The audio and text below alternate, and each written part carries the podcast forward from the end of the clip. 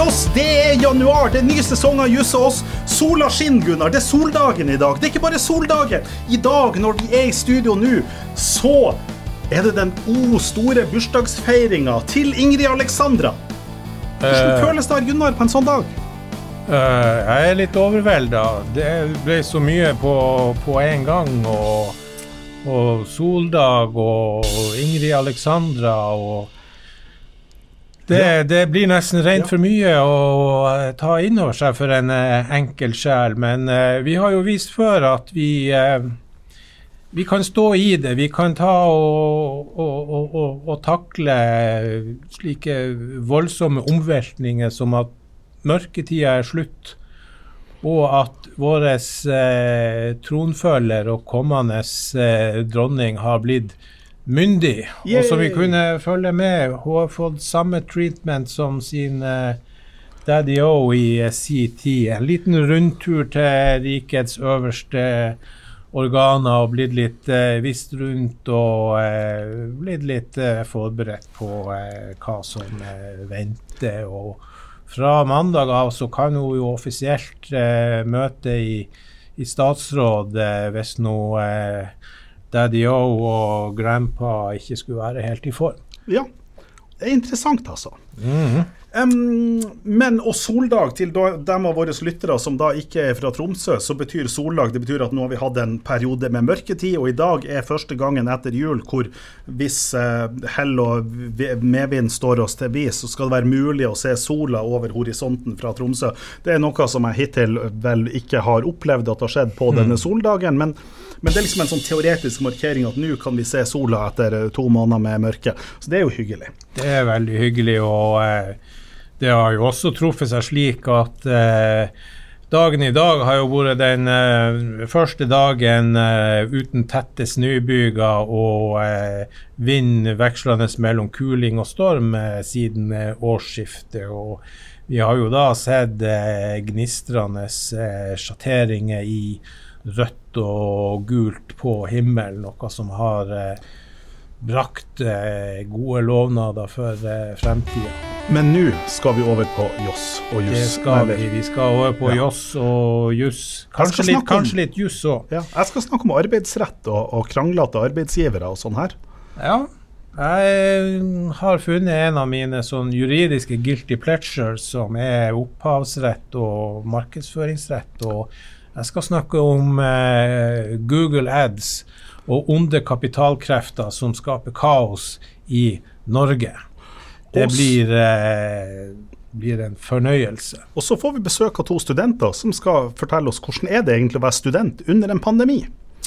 Det er jo, eh, det er jo egentlig ganske alvorlig. Men vi får prøve å snakke med dem og høre om det ikke er litt skøy i det her òg. Ja. Innimellom alt det, det, det alvorlige og sånt. Men først, før vi det, har vi fått et spørsmål, Gunnar? Marius, vi har fått et spørsmål, og eh, det er jo sånn at man eh, etter hvert har begynt å bli eh, skvetten og eh, åpne disse her eh, spørsmålene når de kommer inn. og det skjedde også denne gangen. Og eh, Marius, vi får eh, prøve oss å spille deg god her. Eh, spørsmålet som har kommet i dag, det er også relatert til kongefamilien. Det er jo helt fantastisk. det er jo så passende på myndighetsdagen til Ingrid eh, Alexandra. Men eh, det handler ikke om henne, det handler om eh, hennes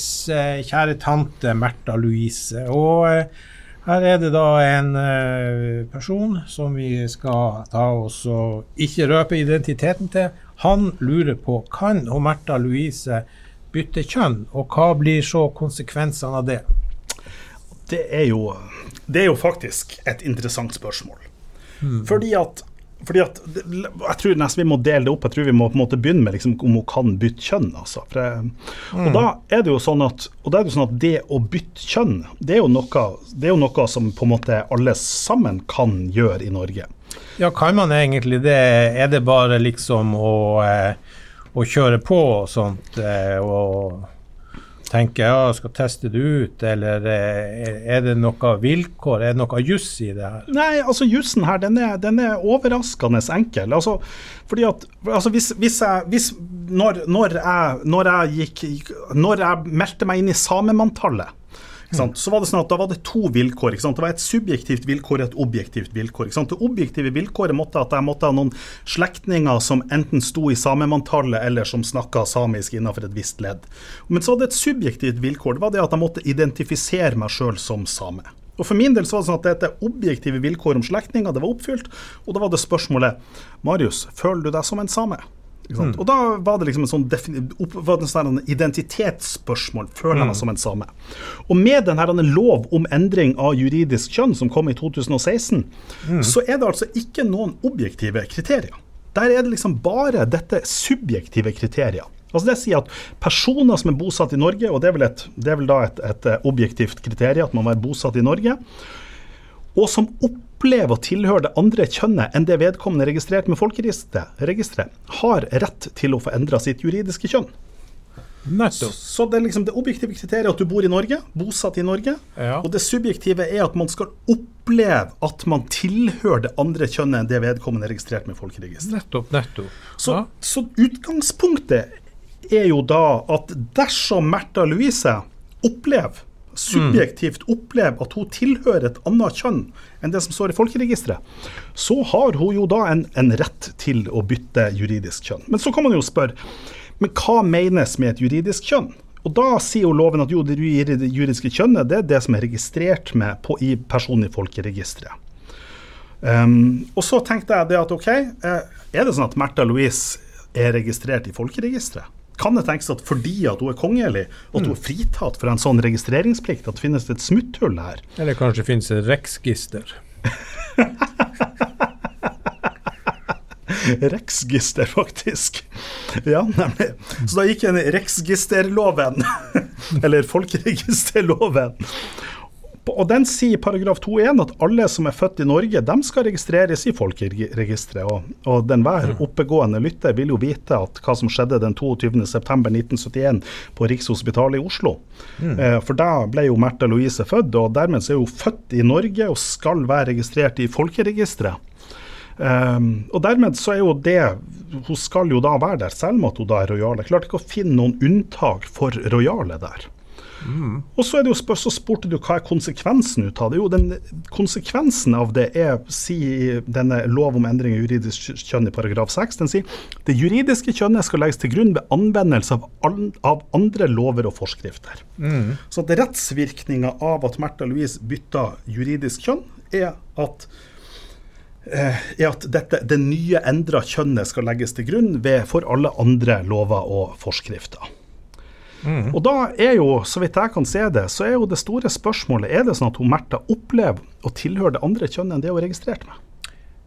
Absolutt, absolutt. Uh, det har ikke tatt og, og, og, og registrert at uh, hun har kommet med noe som tyder på uh, det. Men altså, hun er jo ganske spirituell, har vi jo ja. fått med oss. Så det kan jo hende at hun har en del refleksjoner rundt det. Ja, det er jo det.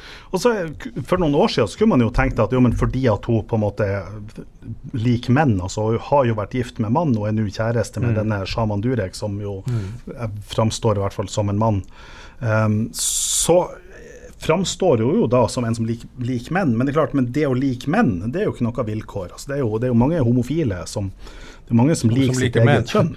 ja, nemlig. Det er mange homofile som liker menn. sånn at så er det litt sånn, og det at hun på en måte har en, en, en, kvinnekropp og på en måte har født barn, det er jo heller ikke et hinder her. Nei, nei, nei det, det, det er klart. Sånn at, eh, så, så, dermed så tror jeg at svaret på spørsmålet vårt er at, eh, at eh, ja, Märtha Louise kan bli eh, mann. Hun, mm. Märtha Louise kan bytte kjønn dersom, dersom hun opplever seg som det. Så Dersom mm. dette vilkåret, dette subjektive vilkåret, hvordan hun opplevde det oppfylt, så kan Märtha Louise bytte kjønn. Mm. Ja, vi eh, kan vel oppsummere at eh, det er fullt mulig eh, i, i, i, forhold til hennes ønsker og tanker om det, så kan jo ikke vi ta og eh, verken på juridisk eller ikke engang på JOS-grunnlag spekulere videre på det. Det må vi eventuelt finne ut med Ja. å invitere og, eh, Märtha Louise Ja. som eh, gjest. Så hvis det er noen av våre eh, lyttere som eh, har eh, telefonnummeret til Märtha Louise, eh, gi oss et tips. Mm. Og hvis PST lytter på, kanskje en kan ta og sette oss i kontakt. Men, men Gunnar, vi må videre. Vi må videre, vi må videre. Tiden går, Du- og tiden er en ressurs. Tiden går, og gjensidige består. Gjensidige består, og eh, det var nesten eh, treff i forhold til det som eh, angår min dom. Det er ikke gjensidig som et forsikringsselskap, men det er en bank. Bank Norwegian. Ja. Og eh, mange har kanskje Bank Norwegian sitt eh, kort i eh, lomma. Og nå eh, eh, endte Bank Norwegian opp i eh, Høyesterett. Og eh, eh, det som er forhistorien og er det store omdreiningspunktet i denne saken, hvor Bank Norwegian er saksøkt av tre andre forbrukslånsbanker, Ikano, eh, Ikano Bank, eh, Bra Bank og eh, eh, en eh, forbrukslånsbank til, eh, Komplett Bank ASA. Det er altså denne her eh, tjenesten som eh, omgir oss alle som er digitale mennesker, nemlig Google Ads. Og eh, på Google Ads så er det jo Altså, vi bruker jo Google til alt mulig om eh, vi skal ha tak i et eller annet. og de aller fleste har lagt merke til at eh, selv om du gjør et generisk eh, søk på eh, eh, persisk nakenkatt, så, så skjer jo det at så kommer det først opp en bunke annonser for eh, alt mulig, for eh, kjøp katamaran. Persisk nakenkatt, Gunnar. Jeg syns det, det var et fint eksempel her. Det, Ja, det, jeg prøver jo å, å, å anstrenge meg. Ja, men tilbake til saken. Det som er med Google Ads, det er at hvis jeg er en kommersiell aktør og jeg ønsker å eh, få treff på Google Ads, eh, så eh, tar jeg og så, eh, så gir jeg tilbud eh, ut fra et slags nesten auksjonsprinsipp til Google Ads på søkeord som eh, jeg vil at skal slå inn, og dermed ta og så skyte meg inn på denne annonselista. Rent generiske søkeord er, er ganske dyr. For den som er Hva hva er generisk? Eh, generisk søkeord, det er sånne åpne søkeord. Hvis vi holder oss til det her eh, eh, forbrukslånsbransjen, f.eks. For billig forbrukslån. Ja. Det er jo et eh, gull søkeord og Ja. sånt. Og eh, stue forbrukslånsbank og ta og få tilslag på det, ja. for saken er det at eh, det er først når noen ser annonsen, leser den, og så faktisk går inn på dine eh, selskapssider, at da plikten å betale per klikk oppstår. ja. Og eh, Så det betyr at, altså at hvis jeg en Hvis jeg søker billig forbrukslån Ja. og får opp noen aktører, og jeg klikker på de her aktørene, så Ja. da klikker på Bank Norwegian og går inn på Bank Norwegians side ja. uten å ta opp et forbrukslån, så må altså Bank Norwegian betale penger til Google for at jeg klikker på dem. Ja, ja, faktisk. Akkurat. Og eh, i prissettinga så er disse generiske eh, søkeordene dyrere. Men så finnes det helt spesifikke sø søkeord eh, som det er mindre, hva vi si, sånn eh, eh, statistisk treffrisiko. Ja. De er mye, mye billigere. Og hva skjedde i Bank Norwegian-saken? Jo, Bank Norwegian de tar også tar, gir tilbud eh, eh, til Google på at de vil ha søkeord som leder annonser, eh, annonsører leder til at de får eh, tunge annonsetreff på søkeordene Ikano Bank, Komplett Bank, altså alle Ja. konkurrentene. Ja. Og de eh, søkeordene er så spesifikke at de er sylbillige. Ja, Nemlig. Slik at eh, hvis jeg var forbrukslånsugen for at eh, nå skulle det kjøres på med ny flatskjerm og igjen en rar teknologi som koster skjorta, trenger et forbrukslån, og så tenker jeg mm, ja, Ikano har jeg hørt mye godt om, og så jeg Hva har Ikano. du? Det er en forbruksbank. Det er en forbruksbank. Og den Ja, OK. Jeg trodde ikke det var For du sier liksom du har hørt mye godt om. Jeg var liksom ikke Ja. klar over at det var mulig å høre godt om en forbruksbank. Det var derfor jeg ble litt forvirra. altså det, det, det er jeg enig i. deg. det, det er jeg enig i det. At, at eh, eh, egentlig så er jo det her altså finansverdens bottom feeders. Ja. Eh, forbrukslånsbankene. Ja. Men altså eh, Det her var et rollespill. Det her Ja, var et rollespill. Det var et rollespill. Ja, greit, greit, greit. Du ikke stille kritiske spørsmål når jeg prøver å lage rollespill. Ja, unnskyld, unnskyld. unnskyld. Og, Men jeg har hørt mye godt om Ikano Bank. Eller jeg har akkurat hørt en eh, reklame for Ikano på TV eller radio, og så tenker jeg ja, så, ja, Ikano, dem gir lån. Og så trykker jeg Ikano, og så kommer bang! Så kommer eh, øverst Bank Norwegian gir deg de beste betingelser. Du blir så fornøyd. Ja. Hva du skal med Ikano da? Hvis du Hva får skal bedre vi Ikano da? da? Da glemmer jeg hele Ikano. Og så ser Banken Norwegian har jeg jo ikke hørt om Ja. før. Det må vi jo ta og se hva de har. Og eh, det, det, det skjedde. Nå skal, nå skal sant sies at eh, jeg gjør jo research. Slik at jeg har jo ta, prøvd, prøvd Ikano og søkt på Ikano på Google. Og ting har skjedd etter dom har falt. Eh, Ikano smeller inn øverst og alene på annonsesida. For det som eh, skjer, det er at den som har det høyeste tilbudet hos Google Ads på bruk av søkeordet, eh, den tar og havner øverst på annonselista. Slik Ja. at Bank Norwegian hadde da eh, høyeste tilbudet. Og en følge av det, det var jo da at eh, Ikano Bank og Komplett Bank for å gjøre noe med konkurransen fra Bank Norwegian, måtte betale Google Ads penger for sitt eget merkenavn. Ja. Og, og ikke måtte de bare betale penger, de måtte overby Bank Norwegian. Ja.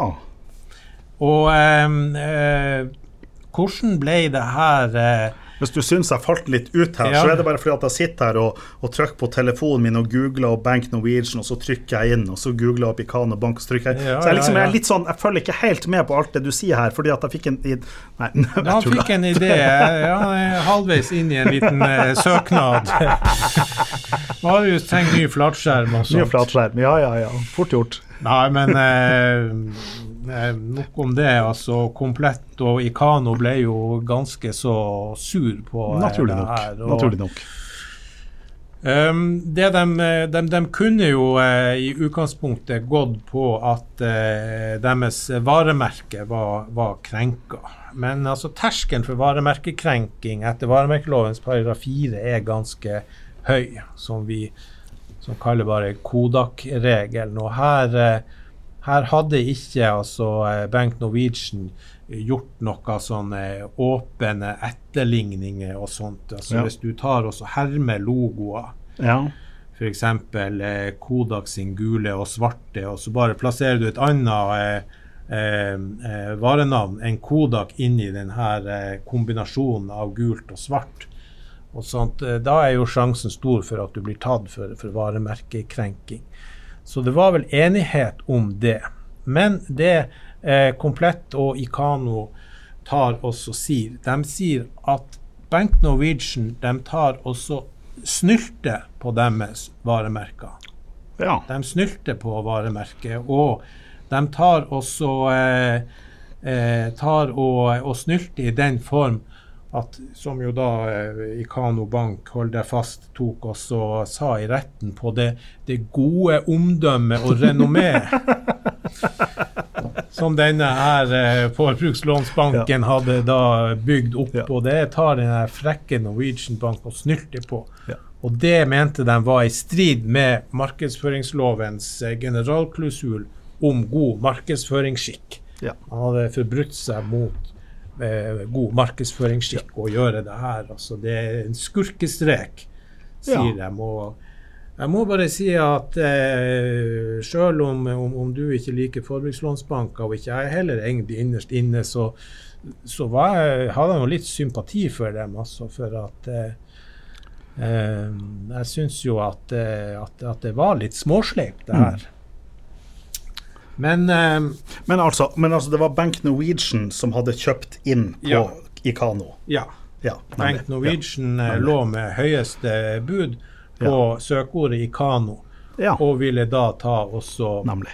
bang ramle inn som eh, annonsetreff nummer én på søk i Kano. Men det var jo bra, for i min, i min bok, bok så er det jo Bank Norwegian også som står som eh, den store skurken. Mm, mm. Um, sånn at eh, Ja, det kan Du vet, jeg har jo en egen evne til å liksom havne opp i, havne opp i trøbbel. Så, Men jeg kan, jeg kan fortelle min, min eh, anekdote om Bank Norwegian. Men vi kan ta det litt senere. Vi la oss komme videre i dommen vi, vi, først. vi, vi tar det litt, vi tar det litt senere òg. Og det, det kan jo være greit også at ikke han, din personlige opplevelse med Bengt Norwegian kommer på, på lufta og sånt. Så Jeg tror det kan kanskje- passe fint her, tror du ikke det? Eller tror du at det er litt sånn ukritisk av meg? Ja, det kan jo hende at Bengt Norwegian blir, eh, blir eh, litt sur og så ja. tar og så eh, sier at uh, denne umåtelig populære og vidtspredte podkast som trekker vårt gode Ja. navn og rykte ned i søpla, vi tar og Ja. Saksøker staten, UiT og. Marius Storvik personlig. så la oss bare presisere Ja. det for ordens skyld, at, at jeg, vi har ikke noe kjennskap til Ikano Bank eller Nei. noe sånt her. Jeg, jeg har ei lita høne å plukke med Bank Norwegian, men, men det er en Mm. annen sak. Jeg jeg kan fortelle om den senere, men ikke akkurat nå. Det Marius sine høner, de er de er rikelig i antall, så eh, De er mange og vil. De er mange og vil og eh, høyst plukkbare. ja, men eh, vi skal runde opp med, med, med jussen, og den skal jeg gjøre ganske så sweet and short. Og den tok og var egentlig den som ga meg en liten sånn revelation. Eh, tingen er jo, eh, som jeg jo da har sagt før, at eh, Norge er jo eh, medlem av EU eh, i mange sammenhenger. Og når det gjelder disse spørsmålene her, så er vi så til de grader med i EU, nemlig at vi har implementert EU sitt markedsføringsdirektiv. Ja. Så eh, våre eh, venner i Høyesterett Det var faktisk vår egen dommer Steinsvik som var sistnoterende, og vel da har ført dommen ja. i penn. Eh, de konstaterer jo det at eh, vi er bundet av EU-retten og eh, gjør grundige og samvittighetsfulle drøftelser av både EU-retten og av intern rett. Det som viser seg å bli den tyngste rettskilden, er en dom fra EU-domstolen, den såkalte Interflora-dommen. ja, jeg har hørt om Interflora. Interflora men, er et kjent varemerke Ja. i Norge og Europa. det er en sånn blomsterbutikk. Ja. Kjede. ja. Ja. Og eh, vi kan si det sånn at eh, småsleipe blomsteraktører eh, som eh, ville annonsere på nett, de eh, tenkte altså Interflora, hva er vel et bedre søkeord enn det? Mm. Og eh, vi havna i en lignende konstellasjon her. EU-domstolen, eh, Interflora-dommen, eh, brukes mye tid på å gjennomgås Mm. grundig. Og Høyesteretts konklusjon eh, blir da i tråd med Interflora-dommen. Ja. Og det betyr da at Bank Norwegian frifinnes på alle punkter. ja. Og eh, essensen eh, i domslutninga, hvis vi komprimerer altså ned alle disse resonnementene altså Vi går gjennom Interflora-dommen, så må vi ha, ha en, bruke resten av eh, Sesongen. sesongen på det. Men det EU-domstolen oppsummerer med, det er at slik bruk av andre sine merkenavn som søkeord, det anser EU-domstolen for å være sunn og lojal konkurranse ja. Sunn og lojal konkurranse som ikke har så, er så inngripende at det krenker varemerket. Ja. Og den konklusjonen fra EU-domstolen tar Høyesterett da og kjøper ganske sånn uh, umiddelbart, uten å eh, begrunne så veldig mye mer i det vide og det brede. Og Bank Norwegian frifinnes og har vunnet saken uh, totalt. Og for å gjøre eh, bare svien for eh, Kompletto i Kano verre, så eh, blir Bank Norwegian i tilkjent fulle saksomkostninger på 2,5 millioner. Ja. Og eh, jeg tenker bare sånn at ja, være kunde i Kano og Komplett er vel kanskje ikke så gunstig etter det her. For man vet jo hvordan eh, blårussen eh, opererer når de Ja, ja. får ei regning. De sender det videre til sine kunder, forbrukeren, den lille mann, lønnstakere, du og jeg. Per. Frank bak spakene. Ja, det er Sånn er det. Sånn er det. Sånn er det å være blåruss. Sånn er det å være Bank Norwegian. Ja.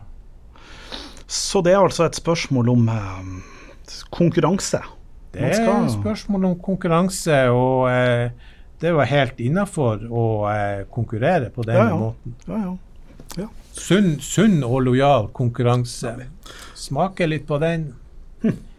Det er litt sånn eh, bismak eh, her, men man må jo liksom tenke på, på eh, det som slår meg, litt sånn rettskulturelle forskjeller. Sånn, Ja. I Norge så er vi kanskje litt mer eh, lutheransk og pietistisk. At Ja, ja. det, det, det, det, det, det, det, det skal ikke være noe sånn umoralske ting. ja, og her har man en sånn touch av umoral. Mens i Europa så er man mer pragmatisk og tenker at, at det er lov å gjøre ei god forretning. og eh, det skal en del til for at liksom eh, skurketerskelen slår inn. Ja, ja nemlig. Ja. Nei, jeg må jo bare dra min Bank Norwegian-historie. Eh, Den relativt eh, Ja. Den er relativt kort. Det som skjedde, var det at jeg var i Spania på ferie med familien, og da leide vi en bil. En eh, leiebil, og jeg betalte for leiebilen med mitt uh, kredittkort fra Bank Norwegian. Oi, oi, oi. Det er sånn som skjer. Em, og det som da skjer, er at når jeg da kommer tilbake, så er det da at dette viser det at dette leiebilfirmaet som jeg da leier denne leiebilen om, det er da et litt sånn svindelaktig firma.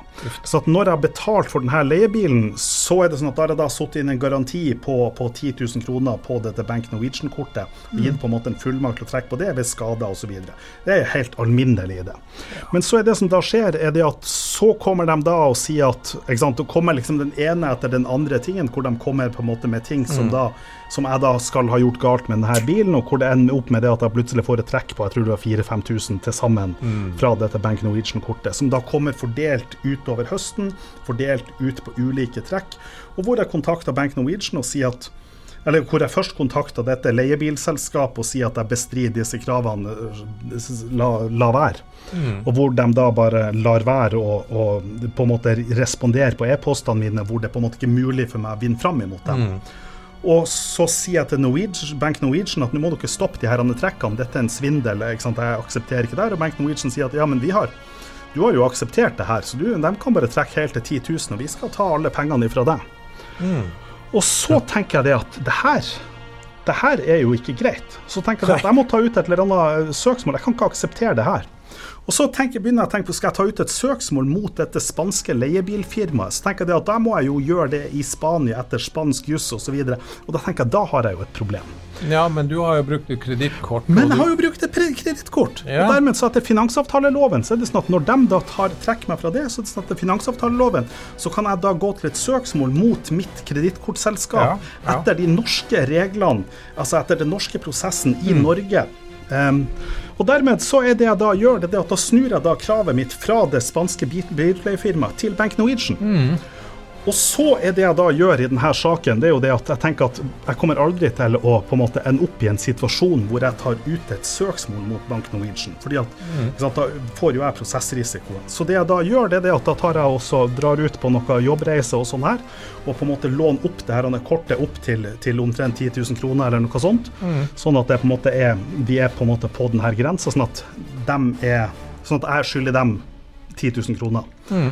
Og så retter jeg et krav imot dem, og så, eh, og så tar jeg og erklærer og sier det at eh, jeg vil ikke betale det her, og krever motregning på det her imot det kravet som jeg har imot dere. Og dermed så har jeg da plassert søksmålsbyrden hos Bank Norwegian, som da må ta ut søksmål imot meg. Og må da i det søksmålet mot meg, så må de da sannsynliggjøre overfor en norsk domstol at eh, det er jeg som er ansvarlig for disse kravene fra denne leiebilen. Um, og så er jo det som da skjer, er det at det er litt vanskelig for dem å forstå denne prosessen. Selv om at jeg i noen e-poster så prøver å forklare det til dem, og til slutt så gir jeg dem beskjed om at nå gidder ikke jeg å drive mer voksenopplæring på dere. Nå har jeg forklart det her til dere. Fra dette tidspunkt av um, så er det sånn at hvis jeg skal bruke mer tid på denne prosessen, så er jeg nødt til å ta fakturert for mitt arbeid med saken. Ja. Og det arbeidet med saken det hadde jeg også beregna inn i det beløpet som jeg da hadde motregna for. Um, Ja, ja, ja. ja. ja, Og, så, og da beregna jeg det opp til den maksimale satsen i forhold til forliksrådet. Eh, så det endte opp med det at jeg fikk da utbetalt eh, hele mitt krav fra dette leiebilfirmaet. Og jeg fikk utbetalt mine saksomkostninger for saken, og Bank Norwegian trakk saken før den kom for forliksrådet. En eh, kort applaus til Marius Storvik, som eh, tok og sørga for at ræva til Bank Norwegian ble like rød som den fremherskende firmafargen deres. Ja, så, så derfor så syns jeg det var litt interessant med den her, og derfor så sier jeg det at jeg har jo et, et horn i sida til dem. Men jeg har jo ikke egentlig høne å plukke med dem, fordi at det er jo, alt er jo opp og avgjort. Absolutt, absolutt. eh, Men eh, du kan jo kanskje bare vandre videre til Ikano i neste runde. Ja, det, det. Men det er klart, den viktigste lærdommen for meg på det her, det er det at når jeg på en måte betaler for ting i utlandet, så bruker jeg alltid kredittkort. Ja. Jeg, bruker, jeg stikker aldri et debitkort inn i en bank i utlandet. Mm. Det, det, det, det, er en, eh, det er et godt råd. Ja. Og et annet godt råd, hvis jeg kan ta også tilføye det, er at hvis man eh, leier seg leiebil, enten det er i Norge eller utlandet, så er det en god idé å ta bilder Oh, yeah. av bilen eh, både når du eh, henter og leverer. Ja. ja. Skal vi gå videre? Ja, hvorfor ikke? Ja. Da skal jeg fortelle om ei anna historie. Ja, det gleder jeg meg Er du til. klar? Er du klar? Jeg er klar som, eh, som, som et egg når vi er inne i høneretorikken. For, for noen år siden tilbake, mange år tilbake så hadde jeg en stilling som hvilende nattevakt på en barnevernsinstitusjon hos Bufetat. Og Bufetat det er jo en del ut av staten. Yep. Um, og da var det systemet som hvilende nattevakt, det er jo det at da drar jeg på jobb, og så den timene på natta der jeg sover, så får jeg da betalt for en tredjedel av timene, så da drar jeg på jobb, og så sier jeg hei og hallo til folk, og så går jeg og legger meg, så står jeg opp om morgenen, så lager jeg noe frokost til noen ungdommer, og så har jeg resten av dagen fri, og så har jeg jo da um, for dette ansvaret og det å på en måte være til stede her, så har jeg da en, en akseptabel lønn. Men så er det sånn at hvis det da skjer noe i den hvilende perioden, så vil jeg, får jeg da overtidsbetalt for det. Og det som da skjedde, det var det at jeg kom da inn i en jobb hvor jeg fikk en annen jobb samtidig med det her. og Dermed så var det sånn at denne stillinga som hvilende nattevakt det ble litt mye. Og Dermed så søkte jeg om en permisjon, altså en, en delvis permisjon fra denne stillinga, om å få redusert stillinga til omtrent halvparten for, for en periode på et års tid. Men det som da skjedde når, og det sa arbeidsgiver ja til, og reduserte stillinga mi, men det som samtidig skjedde, det var det at da ble det innmari bråk. Vi gikk inn i en ordentlig sånn her, en heftig periode på denne institusjonen. Og det gjorde at i de herrene, selv om jeg hadde redusert stillinga mi, så måtte jeg da være våken de fleste nettene. Og Dermed så gikk jeg da fra betalt en tredjedel hver time til at jeg måtte fikk betalt ikke bare time for time, men jeg fikk også betalt 100 overtid. Ja, det er en god deal, det. Og det er en god deal, det. Og dermed så var det sånn at realiteten var det at i de her periodene så var det sånn at det at jeg hadde redusert stillinga, det merka ikke noe på lønnsslippen min. Fordi at ikke sant, det ble veldig mange flere timer, så lønna gikk jo faktisk eh, opp i det her. Ja, ja, ja. Og så gikk det et halvt års tid, og plutselig så kommer vi til en lønningsdag. Og så er ikke lønna mi på kontoen. Oi, oi, da her lukter det høneplukking. Og så prøver jeg å finne ut hva det er som har skjedd her. Og så får jeg så vite at jo, det som har da skjedd, er det at, er det at i denne perioden så er det sånn at arbeidsgiver har da eh, ikke klart å registrere i sine systemer at, denne her, at jeg har redusert denne stillingsdelen. Eh, og så har de heller ikke klart å så ført inn alt av timer og sånn her. De har, har litt sånn dårlige systemer, sånn at jeg har da fått utbetalt en for mye lønn, viste det seg. Det er klart, I denne stillinga med denne arbeidstida som var uklar, og med det her, så var det vanskelig for meg å følge med på alt det her. Og så fant jo arbeidsgiver bare ut at de hadde fått for mye lønn, og så viste de jo da til at arbeidsavtalen, så sier det jo det at at, um, at altså det er på forhånd fastsatt i arbeidsavtalen at det kan gjøres trekk i lønn og, og feriepenger eh, når det er utbetalt for mye. Så med hjemmel i den arbeidsavtalen, så trakk de bare hele lønna mi. Hmm. Um, og da eh, reagerte jo jeg litt på det, for jeg tenkte det at det her er jo ikke helt rimelig. Og så er det arbeidsgiver da gjør, da viser arbeidsgiver til denne, til denne skriftlige arbeidsavtalen, der det her står. Um, og så er det jeg gjør, det er at da går jeg inn i arbeidsmiljøloven.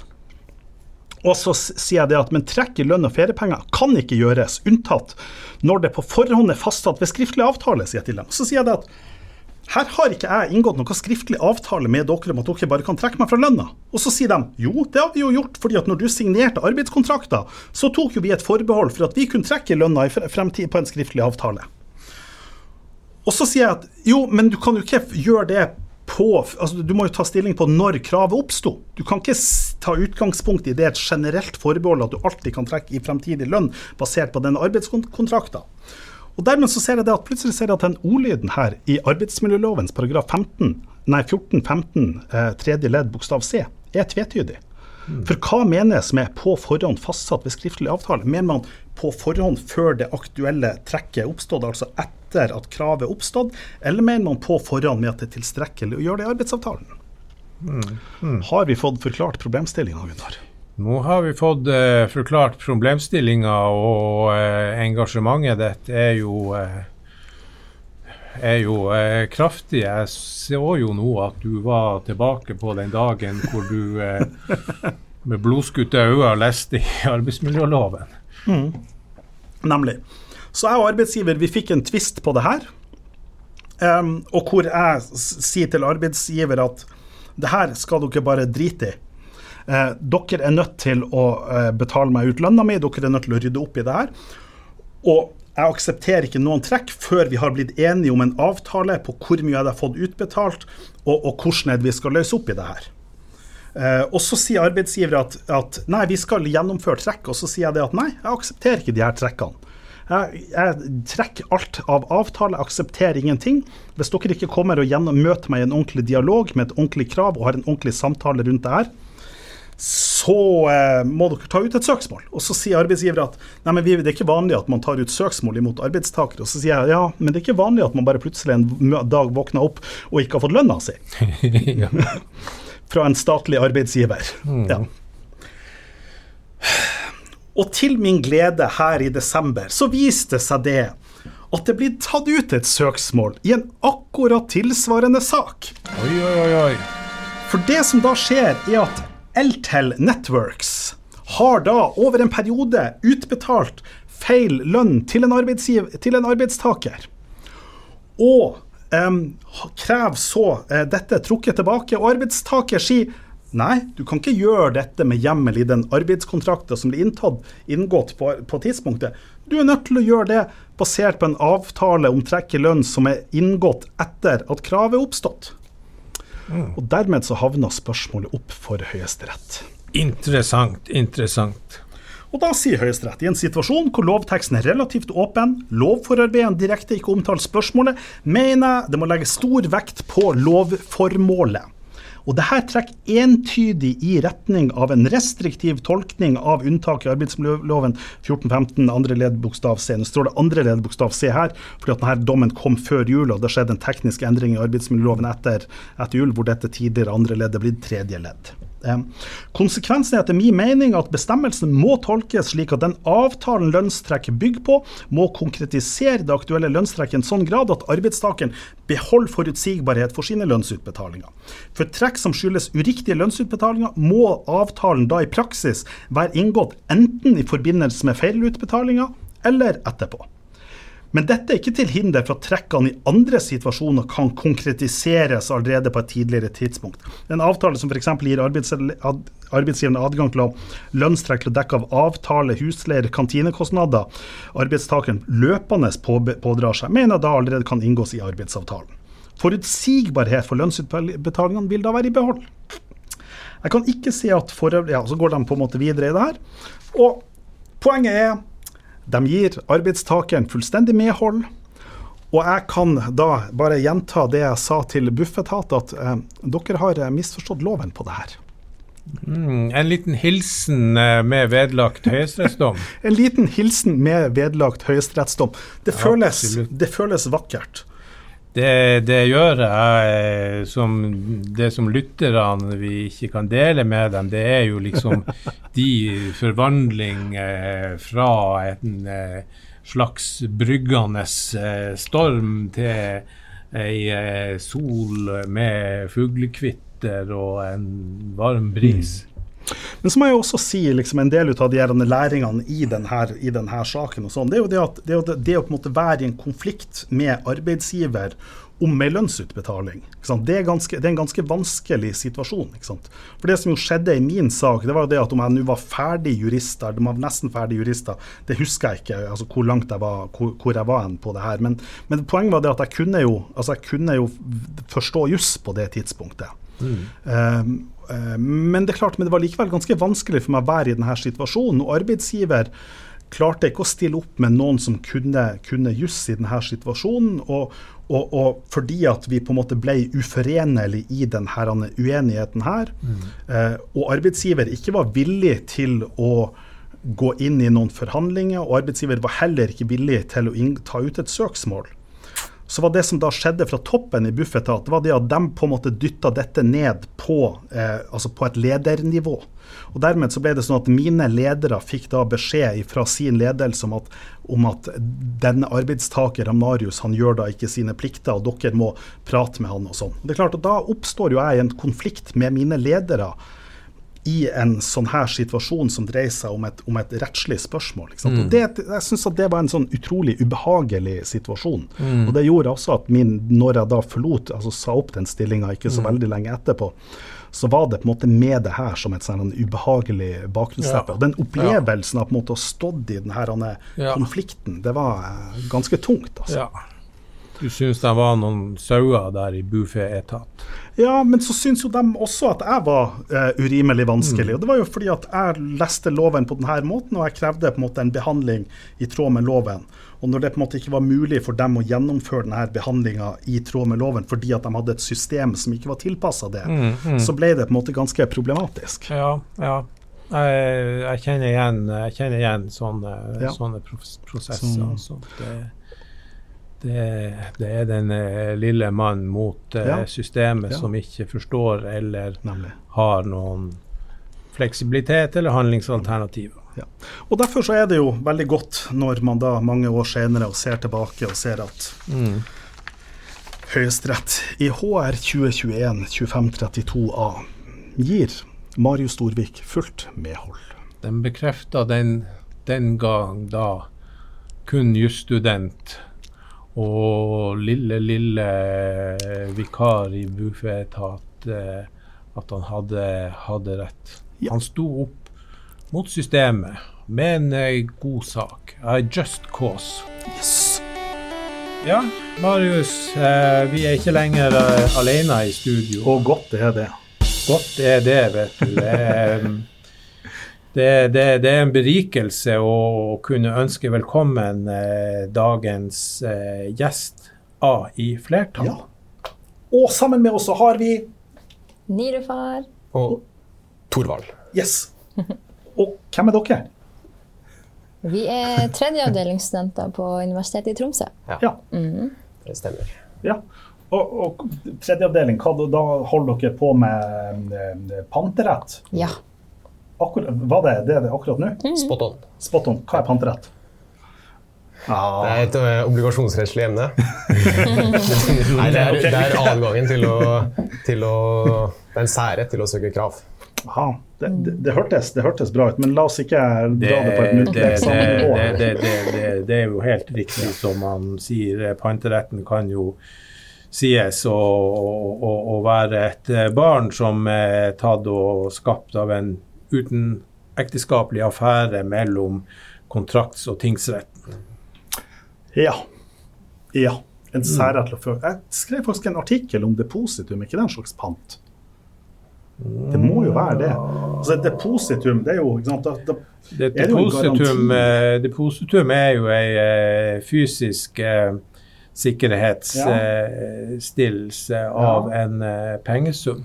Men det er jo en garanti. Det er jo en garanti. Men, men la oss hoppe fra pant her, før jeg trakka i salaten her. fordi at ja, som den det- våkne lytter ville ha fått med seg, er ikke noe um, dreven tredjeavdelingsmann, liksom. Det, Nei, det, det, det, det, det, det høres, og jeg tror nok at et, et, et litt sånn eh, temaskifte, det, Ja. det kunne absolutt ja. ha, ha, ha gjort seg. Og eh, hva, hva, hva Tanken var jo ikke å ta oss og avhøre disse eh, hardtarbeidende jusstudentene om panterettens Men- eh, sjel.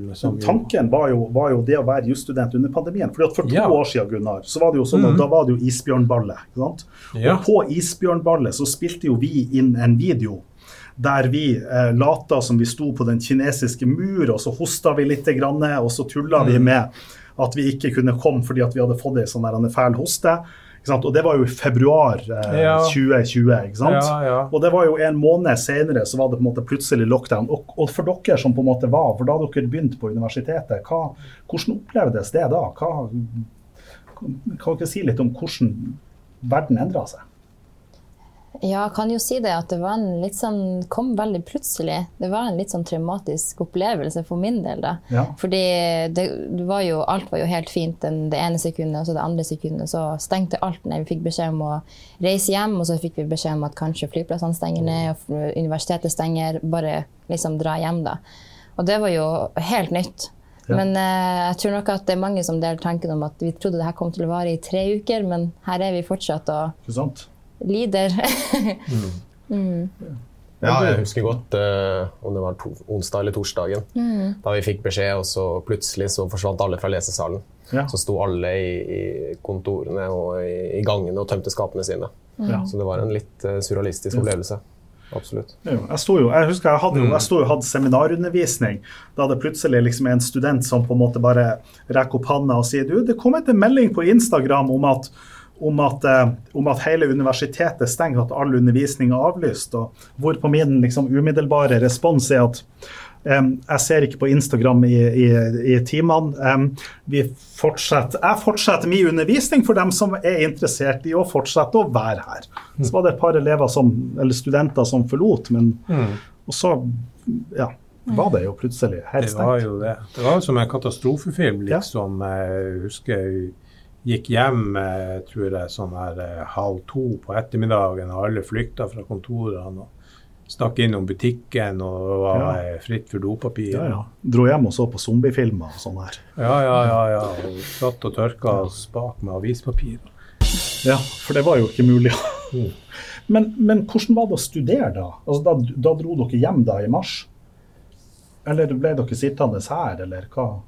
Ja, jeg dro hjem relativt tidlig. Ja, og hvor er, hvor er hjem? hen? Er til Bodø, selv om det Bodø, ikke ja. Ja, høres sånn ut. ut. Så det var vel eh, fordi det gikk noen rykter om at kanskje kom flyplassene til å stenge ned. Kanskje kom vi til å få en, en eh, større grad av nedstengning enn det vi faktisk fikk. Så da dro, dro jeg hjem eh, første uka.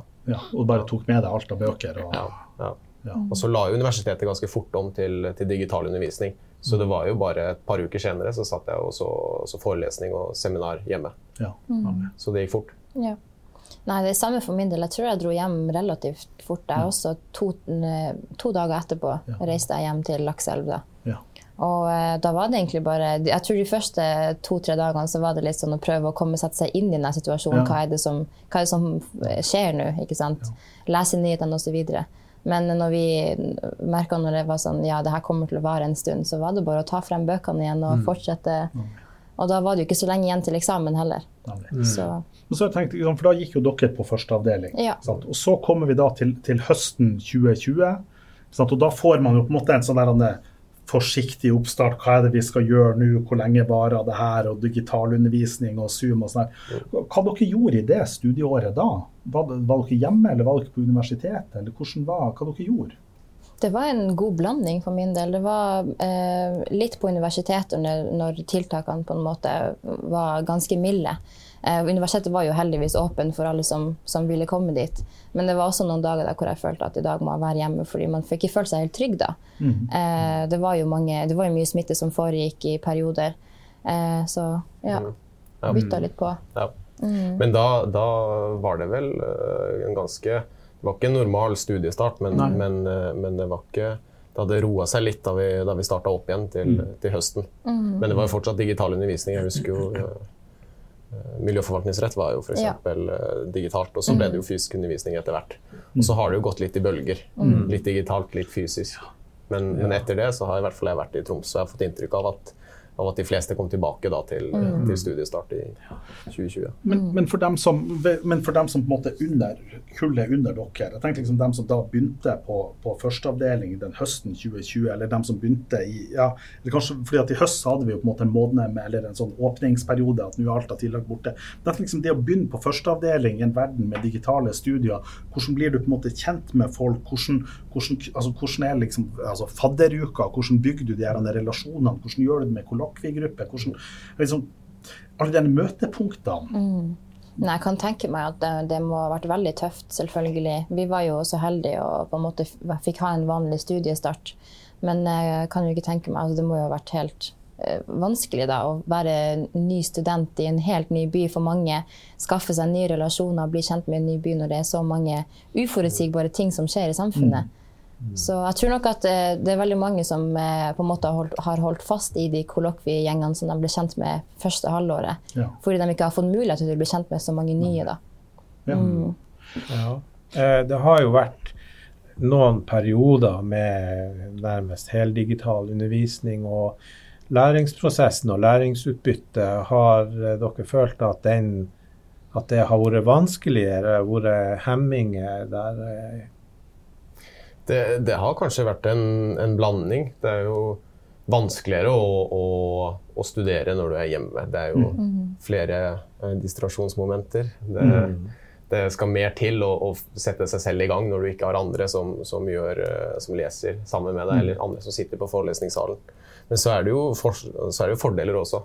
Man mm. kunne jo sette forelesningene på, på 1,5 eh, i spill av hastighet. Mm. Så det er jo en fordel. Og så kunne man se forelesninger når man ville. Så ja. det er jo ja, litt, litt både òg. Men, mm. men, hvis man, hvis man eh, hadde en kollokviegruppe man ble kjent med mens det ennå var åpent, så var det jo klart lettere mm. enn for de som begynte, begynte i fjor. Mm. Men hvordan jobba dere i den kollokviegruppa i de her? Har dere da møttes fysisk i dem? Ja, eh, min kollokviegruppe består av de samme folkene eh, som jeg også henger med i fritida. Ja. Så da var det jo enten å møtes på universitetet sammen og løse ja. seminaroppgaver, eller eh, møtes hos en av oss og gjøre litt skole sammen og sånt. da. Ja, mm. ja det, høres jo, det høres jo praktisk ut. Mm. Et hurtig spørsmål. Kamera på eller kamera av? Torvald først. Kamera på. Nilofar. Kamera på. Hvor, hvor streng kan jeg være? Ja, rettslig sett, eller Nei, moralsk sett, moralsk sett så, så, kan du vente undervisninga. Men da får du vel eh, litt problem med, med dine overordnede. ja, nei, for jeg har jo prøvd å kjøre en sånn policy. Ikke, vi, altså, ikke, ikke, på forelesning, men også på seminar. Ja. Men liksom, tenk Når vi har seminar, så er det jo vanligvis når vi er i klasserommet, så er det jo mm. poenget at man skal ha den dialogen, den impulsivitet. at de spørsmålene skal komme opp. Og så mm. syns jo jeg at når vi har de, de digitale seminargruppene, så syns ikke jeg at jeg får mm. det til. Altså Jeg, jeg sitter i de, de seminargruppene så bare jeg tenker at det her Jeg syns ikke jeg får til den dynamikken. Jeg, jeg har på en måte jeg har på en måte spørsmål og jeg har på en måte svarene på det her. Men så tenker jeg at, men poenget med seminargruppa er jo ikke at dere skal komme dit for at jeg skal fortelle svarene. Så tenker jeg, mm. Hva i all verden kan vi gjøre for å skape en samtale, eller for å skape den læringa? Det er jo det som er mm. det, det, det, jeg, det er det jeg liksom hater med det digitale. Det er akkurat denne seminargruppa. Mm. Ja. Jeg skjønner veldig godt eh, på en måte begge sine synspunkter her. Jeg skjønner jo for dem som underviser at de er helt avhengig av å se reaksjonene til studentene. og Det er jo kroppsspråket som på en måte ja. sier ok, er jeg på riktig spor, nå forstår studentene ja. hva jeg mener. Men så skjønner jeg også studentene som kvier seg litt også. For det er noe mm. med det å ha på kamera, så ser alle bakgrunnen og alt det da. Ja, ja det, det, er jo det. Men det er jo også tungt for, for lærerne. Allerede mm. sent som i morges så hørte jeg en av våre yngre som da tok og uttalte at eh, jeg blir gal av å sitte og snakke inn i en svart skjerm. Ja, ja. ja. ja nei, jeg, men, men, jeg tenker at, men jeg tenker at, at når vi har seminarundervisning, så er det sånn at vi gjør jo ikke det for min skyld. ikke sant? Vi Nei. gjør jo det, ikke sant? Det, jeg kan godt sitte og snakke et svart skjerm. Det, går bra. Jeg trives i mitt eget selskap. Takk, takk for at du deler. Men, men jeg tenker at poenget her er jo det at, er jo det at man skal på en måte lære. Og, jeg, og det er det jeg er litt sånn hvordan jeg, Og jeg er litt sånn fortvilt, for jeg sitter Altså, min opplevelse er at jeg ikke får til den kvaliteten på den digitale undervisninga som jeg ønsker. Jeg syns de forelesningene er annerledes. Det syns jeg går greiere. Men på denne seminarene syns jeg det at jeg får ikke det til. Og fordi at ikke jeg får det til, så sitter jeg med en opplevelse av at studentene som jeg jobber sammen med i disse læringene, at de heller ikke får til den læringa som jeg ønsker at de skal få til. Og så tenker jeg, hva, hva kan vi gjøre med det her? Ja, så hva er svarene deres?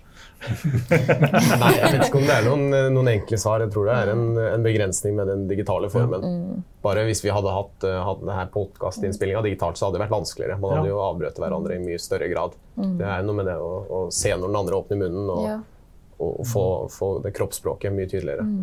Men, eh, men det kan jo hjelpe å ta en, ta en ordentlig introduksjonsrunde i starten av seminaret. Ja. Nå i, i panterettsseminaret på, på vår seminargruppe så, så stilte seminarlederen spørsmålet hva er den verste julegaven du har fått. Bare, bare for at eh, det skal være litt morsomt, og at folk skal begynne å snakke. ja. Og, og det, det fungerte overraskende bra. Man hadde en, en lett tone i det seminaret starta. Det var lurt. det var lurt. Jeg noterer meg. Noter, Verste julegaven. Jeg fikk faktisk stikk motsatte, den beste. Og jeg feirer jo ikke jula, så jeg sa at jeg fikk slappa mye av. Så det det var den beste Ja. julegaven. ja, den beste Nei, julegaven. det syns jeg jo var et uh, kjempegodt uh, svar. For jeg, for jeg føler liksom at liksom, det å på en måte ta en sånn bli kjent-runde liksom, på det men, men det er kanskje det Jeg tror det, jeg tror det, det, det var helt opplagt. Selvfølgelig Ja, ja. må man gjøre det. Ja. Jeg tror også man kan være litt mer sånn kreativ hvordan man går gjennom seminaroppgavene. Man får jo et skriv med oppgaver. det her skal du ikke løse, eller prøve å løse. Og så kanskje i stedet for å ha den samme metoden hele tida, at ok, spørsmålet er det her, hvordan går vi frem, så kan man jo heller ha litt sånn breakout rooms, det var vel det det het. Og så kan man jo kanskje også delegere litt oppgaver, at ok, gruppe én har ansvaret for denne oppgaven. Eh, gj- gj- forberede den her til, til neste seminar. Ja. For da setter man jo eh, studentene også litt i gang, da. Ja. Eh, Og da er man jo litt avhengig av at alle jobber fordi at man er en gruppe. Så vær litt mer sånn kreativ i hvordan man går frem for å løse oppgaven. Ja. Bra. bra. Ja, Ja, det, vi, vi noterer oss det. ja den- folk Ja, jeg har notert meg to, to spørsmål til som jeg lurer på. Det ene det er på en måte mental helse. Hvordan er på en måte med det? Og det andre er økonomi. Jeg lurer liksom Ja, hvordan, eh, hvordan er det? jeg hadde òg et det samme spørsmålet, ja. mental helse. Og eh, det, det jeg lurer på, er jo da om, om dere har opplevd eh, det Jeg opplever liksom sånn at hvis det er noen som har hatt noen som problemer under pandemien, så har det for noen blitt forsterka. Har dere opplevd noen som har eh, om ikke hatt psykiske problemer, men som har eh, opplevd eh, mentale påkjenninger som følge av pandemien. Ensomhet eller andre ting. Jeg tror det er mange som har, har kjent på den følelsen, særlig de som ikke fikk, uh, fikk oppretta et nettverk før pandemien brøt ut. Så, så har de nok vært, vært ensomme i stor grad. For, for det som gjelder for seminargrupper, det som gjør seminargrupper vanskelig å gjennomføre, det gjelder jo også, også ellers. Når man ikke kan møtes fysisk, så er jo eh, menneskelig kontakt det, det blir jo utfordrende.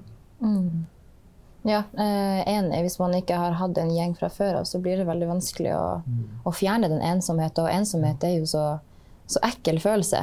Altså Spesielt for mange som bor, som bor alene i hybler. og sånt. Det er jo en hel dag med å sitte hjemme. Og, altså det, det blir veldig tungt, tungt da. Så um, absolutt. Eh, og så ikke minst det, men så er det så uforutsigbart. Man vet liksom ikke når det her ender. Og så med en gang Norge ja, Norge gjenåpna, nå kan vi begynne å gå ut og feste igjen. Sant? Så bare noen uker etterpå så var det senkt ned igjen. Så man vet liksom ikke helt hva man, hva man skal forvente. Hva man går til. Jeg begynner å bli så grundig lei. Men, men jeg lurer på, fordi at i, i begynnelsen så var det på en måte, ikke sant, så fikk jeg på en måte, var det mange som da, altså studenter har på en måte en del, deltidsjobb på, på ulike butikker, ikke sant, og så blir alt stengt ned.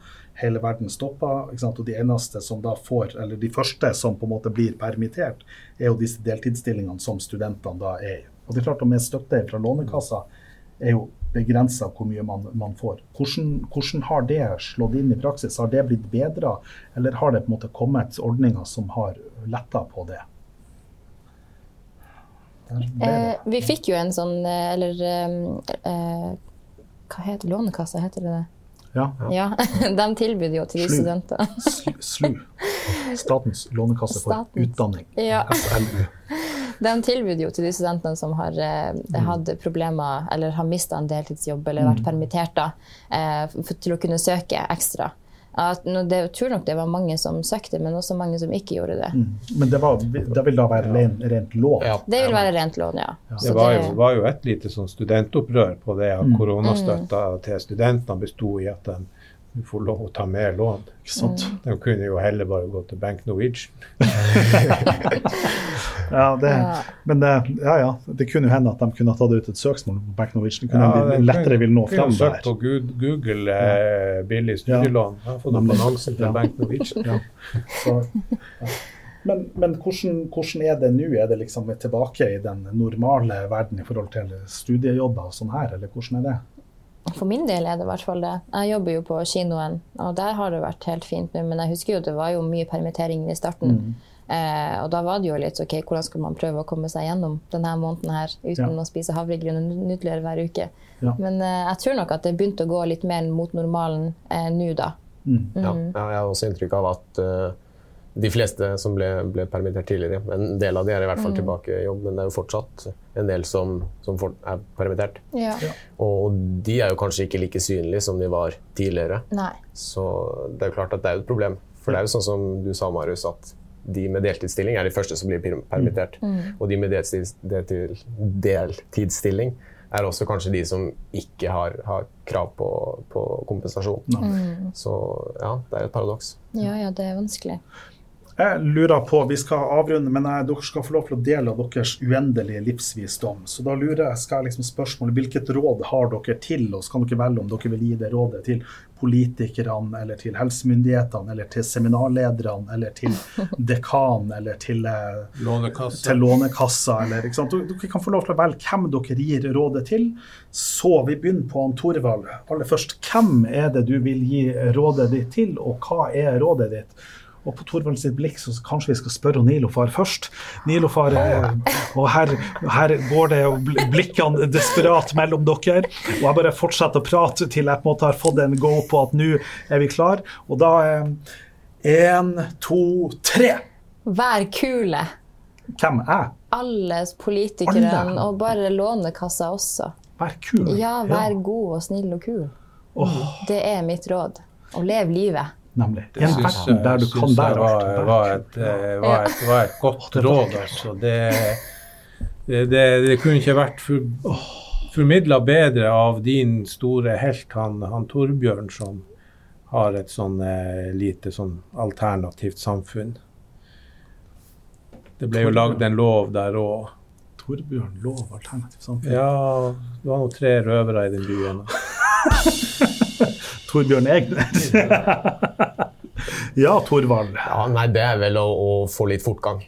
Få litt fortgang. Ja. Altså når det først er, er snakk om å, å innføre støtteordninger til studenter, så, så må det jo komme Ja. uh, i løpet av uh, dager og uker, ikke måneder. Ja. Så det er vel å, Ja. få, å få effektivisert prosessene. Få litt fart. Så vær kul, få fortgang. Takk for oss. Dette var Jøss og Joss.